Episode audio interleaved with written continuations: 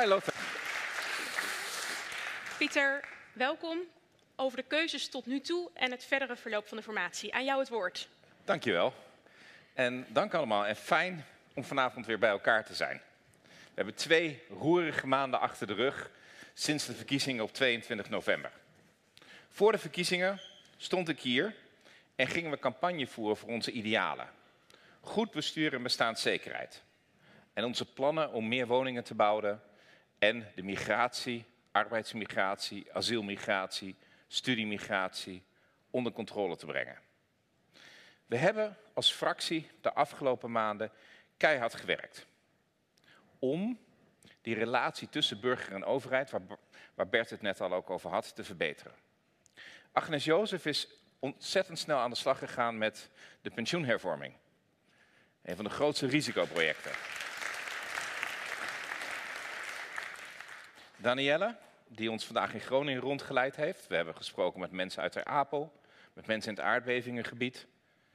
Heeft zich volgeworpen op de preventie. Want we hebben nog steeds een verschil van 25 jaar in gezonde levensjaren tussen mensen die het minst verdienen en mensen die het meest verdienen in Nederland. En dat is een enorm verschil wat teruggedrongen moet worden. Aantjelle, ja, ik weet niet hoe ik dat moet vertellen, maar die doet alles in het Fries. En ik moet nog wat bijles. Maar het is natuurlijk wel een belangrijke rijkstaal, want wij lachen erom. Maar het is belangrijk om de eigen taal echt levend te houden. En Sandra heeft verteld hoe het toeslagenschandaal haar getroffen heeft. Want zij weet wat het betekent als die relatie tussen burger en overheid niet werkt en wat voor gevolgen dat heeft voor mensen. Net als Faith, die toeslagenschandaal aan de, aan de lijve ondervonden heeft. Of Marloes, die bij ons op de fractie zit en als klokkenluider in de rechterlijke macht ook aan de lijve ondervonden heeft wat het betekent als het gevolle gewicht van de overheid over je heen rijdt. We kunnen, we kunnen met onze groep onze idealen in praktijk brengen. En dat het al zo snel gebeurt, had ik niet verwacht. En dat gaat geweldig goed met onze nieuwe fractie. We hebben de afgelopen weken en maanden ook gewerkt um, aan een kabinetsformatie. En de uitslag van de verkiezingen was een verrassing voor velen. Het bracht een ware aardverschuiving uh, teweeg. De PVV kreeg een kwart van de stemmen en werd in het Nederlandse parlement veruit de grootste partij. Wij hadden tijdens de campagne meerdere malen gezegd, vanwege de grondwet en grondrechten zien we het niet gebeuren dat we een normale coalitie met de PVV starten. Maar enige vorm van samenwerking sluiten we niet uit. Met de uitslag waren er twee realistische op oplossingen voor een meerderheidskabinet. Een rechtse coalitie met als dragende partijen PVV, VVD, BBB en NSC. En een middencoalitie met als dragende partijen VVD, NSC en GroenLinks Partij van de Arbeid. De VVD was degene die aangaf dat ze niet wilde spreken met GroenLinks Partij van de Arbeid. Gezien de geschiedenis wat vreemd. Um, het was niet liever eerst over rechts, maar het was we gaan het gesprek niet aan. Dat betekent dat er nog één gesprek volgde en dat was een gesprek aan de rechterkant. En de kiezer had met de stem op deze partijen ook aangegeven dat migratiebeperking belangrijk is. Want zowel PVV, VVD, BBB en NSC hadden gezegd dat er migratiebeperking plaats moet vinden. Niet gek ook als je ziet wat er de afgelopen jaren gebeurd is in Nederland. Een week na de verkiezingen schreven we een brief aan de verkenner, een openbare brief eh, aan de heer Plasterk. En het is goed om die nog een keer te lezen. We gaven aan dat de verkiezingsuitslag duidelijk was en een mandaat gaf aan de Partij voor de Vrijheid. Maar wij gaven ook aan, de NSC-fractie ziet nu geen basis om onderhandelingen te starten met de PVV over een meerderheidsregering of een minderheidsregering. En we gaven alternatieven vanaf dag 1. Indien het vormen van een parlementaire meerderheidsregering met de PVV op basis van de verkenning en het vervolgproces niet mogelijk blijkt, dan komen varianten in beeld zoals een minderheidsregering met partijen die de VVD niet hebben uitgesloten, VVD en BBB, die hadden dat expliciet gezegd, een zakenkabinet of een extra parlementair kabinet.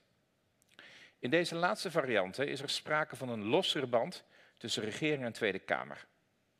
In ons verkiezingsprogramma stelden we dat we expliciet voorstander zijn van een dergelijk vernieuwend bestuursmodel. Later zal ik je uitleggen waarom die alternatieven uit ons verkiezingsprogramma vandaag relevanter zijn dan ooit. Natuurlijk moet er een serieuze reden zijn wanneer je zegt we zijn niet bereid nu onderhandelingen te starten. En dat wil ik graag toelichten. Het beste gaat dat aan de hand van de initiatiefwetten die toen nog niet ingetrokken waren. U weet, wetgeving is een kerntaak van het parlement. Als je een wet indient, wil je de harde spelregels van Nederland veranderen. Het is dus geen proefballonnetje, het is geen tweet en andere dingen die we te veel doen in Den Haag. Wetten kunnen snoeiharde gevolgen hebben. Verkeerde regels maken mensen kapot. En het niet uitvoeren van wetten ook. En dat hebben we gezien de afgelopen jaren. In het toeslagenschandaal waar ik u net over vertelde, gingen 10.000 ouders kapot omdat ze als fraudeur bestempeld werden, terwijl ze het niet waren. Ze verloren hun huis, hun kinderen, hun gezondheid. In Groningen, we hebben vandaag een aantal van die mensen ontmoet, waar het voorzorgsprincipe niet werd toegepast. Dus de overheid ging door met het pompen van gas uit de bodem, ook na de zware aardbevingen, hebben mensen jarenlang in onzekerheid geleefd of hun huis wel veilig was en niet instort. De gezondheidsgevolgen daarvan zijn enorm. De toezichthouder had gewaarschuwd, had niet de wettelijke macht om in te grijpen. En daarom hadden wij gezegd, voor ons zijn grondrechten ongelooflijk belangrijk. Grondrechten zijn niet iets abstracts. Iets waar je actie vervoert in een ander land, Rusland of zo. Grondrechten betreffen ook de rechten van burgers hier. En als dan, en dat lag een wetsvoorstel op tafel, waarbij het bezit van de Koran of het bezoek aan de moskee vijf jaar gevangenisstraf op zou leveren, laat het even op u inwerken. Zou betekenen dat je honderdduizend Nederlandse burgers naar de gevangenis zou sturen. Misschien onuitvoerbaar, want we hebben geen cellen. Of het zou het niet halen, dat klopt, want de meerderheid van de Kamer zal niet instemmen. Maar toch is het problematisch als je een partij aan tafel zegt die eigenlijk willen we dit liever doen. En er waren meer voorstellen. Een half jaar administratieve detentie opleggen. Dat betekent dat de minister van Binnenlandse Zaken je naar de gevangenis kan sturen. Of mensen met een dubbele nationaliteit zich laten melden om, um, en als ze dat niet doen, dan was het overigens een misdrijf, om ze, de, um, om ze uh, het stemrecht af te laten nemen. Dat zou betekenen dat iedereen met een Marokkaanse achtergrond, want je kunt geen afstand doen van de Marokkaanse nationaliteit, het stemrecht zou verliezen. Daarom, omdat wij die problemen met rechtszaak, rechtsstaat zagen, maar ook omdat we de verkiezingsuitslag zagen en zagen dat er partijen waren die dingen deden die wij ook wilden. Op migratie, op bestaanszekerheid, waar, meerdere partijen een probleem zien Bestaanszekerheid is ook niet iets abstracts in de grondwet. Bestaanszekerheid gaat erover of je een betaalbaar huis kunt vinden. Of je een vaste baan kunt hebben, zodat je weet dat je ook volgende maand genoeg verdient om je rekeningen te betalen. En dat je de zorg kunt betalen en hebben die je nodig hebt. Dat is de bestaanszekerheid die we zoeken. En waar een brede consensus was dat dat beter moet in Nederland. Op ons verzoek begon informateur Plasterk met het zoeken naar een gezamenlijke basislijn voor de rechtsstaat en de grondrechten. Voor ons is het essentieel dat je het eens moet zijn over het fundament van de rechtsstaat. Als je de grondrechten niet respecteert, komen burgers in de knel. En die rechten zijn niet alleen de klassieke grondrechten, maar ook de sociale grondrechten. Ik noemde al de bestaanszekerheid, maar ook volksgezondheid en volkshuisvesting staan in de grondwet. En zijn te lang verwaarloosd door een aantal regeringen. Er is een schreeuwend tekort aan betaalbare woningen en, mensen, en veel mensen kunnen niet of nauwelijks rondkomen. En dit waren goede gesprekken, tegen de verwachting van velen in. En er kwam een heldere basislijn tot stand, ook tegen de verwachting van velen in. Die ook experts en hoogleraren konden waarderen als fundament. Laat ik u zeggen, deze discussie hadden we misschien eerder in het openbaar en met meer partijen moeten voeren. Het was een stuk zinnige discussie dan veel discussies die wij in Den Haag voeren. Het ging erom wat beweegt ons als politici. Wat willen we garanderen voor onze burgers? En toch blijft die rechtsstatelijke afstand voor ons te groot. En dat heeft te maken met het verkiezingsprogramma van de PVV. Waar bijvoorbeeld in staat dat er geen moskeeën en Korans mogen zijn. Dat Nederland grensbewaking moet invoeren, wat onmogelijk is. Of dat er volwassen strafrecht moet zijn voor 14-jarigen bij een geweldsmisdrijf. Dat betekent dus een ruzie op school jarenlang gevangenisstraf kan opleveren, want ze hebben ook minimumstraffen daarvoor. Dat zijn antirechtsstatelijke dingen waar wij moeite mee hebben, net zoals met uitspraken uit het verleden. Maar wij zagen wel naar de toekomst toe mogelijkheden. Om bijvoorbeeld een minderheidskabinet te gedogen of een extra parlementair kabinet mogelijk te maken. En dat legden wij vast in een verklaring op 10 januari. Als fractie. Kwamen bij elkaar in Hilversum en hebben hier lang over gesproken. Daarna volgde een maand lang gesprekken over inhoud. En laat ik u gewoon zeggen, dat was te lang. Er heeft geen enkel voorstel tot een tekst voor het verslag over een van de ongeveer tien onderwerpen waar we het over hadden, op tafel gelegen ter accordering aan het eind. En dat is pijnlijk. Wij deden als NSC het meest constructieve voorstellen op schrift. En die hebben de andere partijen, om te kijken waar eventueel wel perspectief zou zijn of bereikt zou kunnen worden. En er was geen financieel kader. En u weet, zonder financieel kader kun je weinig, want bijna alle wensen, bijna alle, hè, er zijn er ook die geen of nauwelijks geld kosten, maar als je iets aan het eigen risico en de zorg wil doen, iets met meer woningen wil doen, iets met lastenverlichting wil doen, u snapt het, helaas kan niet alles tegelijk. En de verhoudingen raakten verstoord. Met tweets, met lekken. En op dat moment hebben wij besloten, want aangezien wij geen volledig inzicht in de financiën krijgen, dat was de drupper die de emmel, emmer deed overlopen, dat wij toen zeggen, deze ronde is beëindigd. Dit proces leidt op dit moment nergens toe. Laten we gewoon een nieuwe informateur komen. Dat deed ik niet op de meest chique wijze. Maar wat nu wel? Wij denken in ons verkiezingsprogramma dat een andere kabinetsvorm niet een moedje is, maar juist wenselijk is. Het is wenselijk dat er een losse band komt tussen de regering en het parlement. De coalitieakkoorden zijn de afgelopen jaren ware boekwerken geworden. Of in de woorden van Lubbers, gestold wantrouwen. Spoorboekjes waarin de kleinste details vastgelegd werden. Ze waren verstikkend en overigens ook heel typisch Nederlands.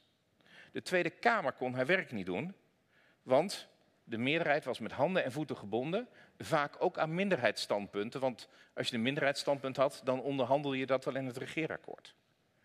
Het betekende overigens dat de belangrijkste problemen van Nederland niet opgelost werden, omdat de oplossingen die in het regeerakkoord geschreven waren, onuitvoerbaar waren. Voorbeeld is de spaartax, voor iemand die het wil nalezen. Daarom vonden we het in ons verkiezingsprogramma al wenselijk om een minderheidskabinet te hebben. Dat op zoek moet naar steun in de Tweede Kamer. Dat betekent dat een kabinet met overtuiging haar eigen plannen moet verdedigen met mensen die niet automatisch steunen. En meer rekening moet houden met meerderheden. Vooral in Scandinavische landen hebben minderheidsregeringen in de afgelopen jaren 50 jaar goed gewerkt. Ze leiden tot goed bestuur in Zweden, in Noorwegen en Denemarken. En politieke partijen werden gedwongen tot samenwerking. Want die samenwerking is noodzakelijk. Er is samenwerking nodig en mogelijk op bestaanszekerheid. Er is samenwerking mogelijk en nodig op migratie. Die samenwerking is mogelijk en nodig op woningbouw en op zorg. En op andere thema's is die lastiger. Buitenlands beleid is een lastige, zeg ik u. En voor het geval u denkt, buitenlands beleid is ver weg en niet onze eerste zorg. Er is een grote oorlog in Europa gaande. En die oorlog die raakt ons. Het feit dat wij te lang Poetin zijn gang hebben laten gaan, gaat ons uiteindelijk nog harder raken als die streep niet getrokken wordt. En vandaag is die weer, weer een lijn overgegaan en is de zoveelste oppositieleider in Rusland omgekomen. Dat zegt wat over hoe diep het grootste land op ons Europese continent is afgedreven. Een extra parlementair kabinet is weer wat anders. En ook deze optie hebben wij in al onze uitingen genoemd. In onze brief aan de verkenner op 29 november, in onze verklaring op 10 januari over wat we wel willen en in onze brief aan de informateur op 7 februari waarin we uitgelegd hebben waarom wij de onderhandelingen gestaakt hadden. In een extra parlementair kabinet zijn het niet de fracties, maar de ministers die een regeerprogramma opstellen. Natuurlijk moeten ze rekening houden met de wensen in de Kamer. Want je kunt niet zomaar een programma opstellen waar niemand het mee eens is. Maar dat betekent dat de regering gaat regeren en de Kamer gewoon op inhoud wetten controleert en goedkeurt. En dat is eigenlijk hoe democratie hoort te werken en het veel te lang niet gedaan heeft in Nederland. De politiek leiders kunnen dan in de Kamer blijven en de regering bevat zowel politici als buitenstaanders. Beiden zijn nodig voor goed bestuur. Een regering zonder enige politieke ervaring gaat snel ontsporen. Maar juist bij moeilijke problemen, en die hebben we bij migratie, die hebben we bij woningbouw, maar die hebben we ook in het onderwijs, waar een kwart van onze 15-jarigen functioneel analfabeet is. Juist bij die moeilijke problemen, landbouw, stikstof, kunnen experts van buiten heel goed minister worden. En kunnen politici minister worden terwijl hun eigen partij de regering niet formeel steunt. De afstand tussen de regering en de Tweede Kamerfracties en de afstand tussen de Kamerfracties kan groter zijn, omdat ze niet een gedetailleerd boek ondertekend hebben. Dat geeft ruimte, dat geeft lucht. En het is ook een heel aantrekkelijk alternatief wanneer partijen zeer verschillend zijn, zoals in de huidige politieke omstandigheden. En dan zult u denken, maar dat gaat toch niet werken? Ik heb u net laten zien dat minderheidskabinetten en driekwart van de kabinetten in Denemarken, Zweden en Noorwegen sinds 1970 waren ongeveer van die vorm. Die hebben daar uitstekend gewerkt. Het meest, een van de meest succesvolle kabinetten in Nederland was een extra parlementair kabinet. Een extra parlementair minderheidskabinet. De kabinetten Kort van Pieter Kort van, van der Linden, die regeerden tussen 1913 en 1918. Die kabinetten hielden Nederland buiten de Eerste Wereldoorlog, waar al onze buurlanden aan meededen. Het wist opvang voor een miljoen Belgische vluchtelingen te regelen. Het had te kampen met voedsel- en brandstoftekorten, met gebombardeerde boten. En toch wisten ze een brede coalitie te smeden om eerst het algemeen kiesrecht voor mannen en de regeerperiode later, want de grondwet moest gewijzigd worden, ook het algemeen kiesrecht voor vrouwen in te voeren. Het lukte om de schoolstrijd te beslechten. Het lukte om de wet aan te nemen. Ingenieur Lely die heeft dat al, die was er al 25 jaar mee bezig, die werd minister, om de Zuiderzee in te gaan polderen. En, oké, deze is niet heel populair, de wet op de inkomstenbelasting werd ingevoerd door minister Treub. Het kiesstelsel werd volledig hervormd. En dat allemaal met een extra parlementair kabinet, met experts en een minderheid in de Tweede Kamer. Geen formele binding, omdat je dan een open debat hebt over wat Nederland nodig heeft. Over de visie die je met z'n allen op Nederland hebt, in plaats van het regeerakkoord. En die visie en die stip op de horizon zijn een veel beter kompas dan een spoorboekje waar je elke dag met je bril in zit. En dat is wat Nederland nu nodig heeft. Twee randvoorwaarden voor zijn kabinet zijn al op orde. Je moet afspraken maken over financiën. Niet alles kan. Je kunt je euro maar één keer uitgeven. De Europese begrotingregels zijn hier een goede manier om te beginnen. En je moet het eens zijn over de betekenis van de rechtsstaat. Daar hebben we, dat heb ik u eerder uitgelegd en met veel input van vooral twee fractieleden, Sandra en Judith, heel veel waarde en heel, een heel goede basis voor gelegd. Laten we dus van de nood een deugd maken. Informateur Putters gaat dit onderzoeken. Wat misschien op het eerste gezicht vreemd of exotisch lijkt, kan een passende oplossing worden voor de huidige politieke impasse. Het heeft potentie om de grote problemen van Nederland één voor één aan te pakken. Want de problemen zijn urgent.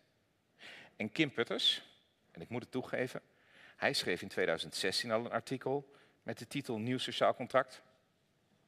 Heeft de afgelopen tien jaar uitgebreid geschreven over de echte problemen van Nederlandse gezinnen. Over problemen die mensen lange tijd niet gezien hadden in Den Haag. Hij weet, hij kent en voelt die onzichtbare problemen. Ik heb er vertrouwen in dat hij de juiste persoon is om tot een regeringsformatie te komen. En dat is hard nodig. Wij zullen ons uiterste best doen om landsbestuur mogelijk te maken en onze idealen te verwezenlijken. Goed bestuur. U weet hoe moeilijk dat is.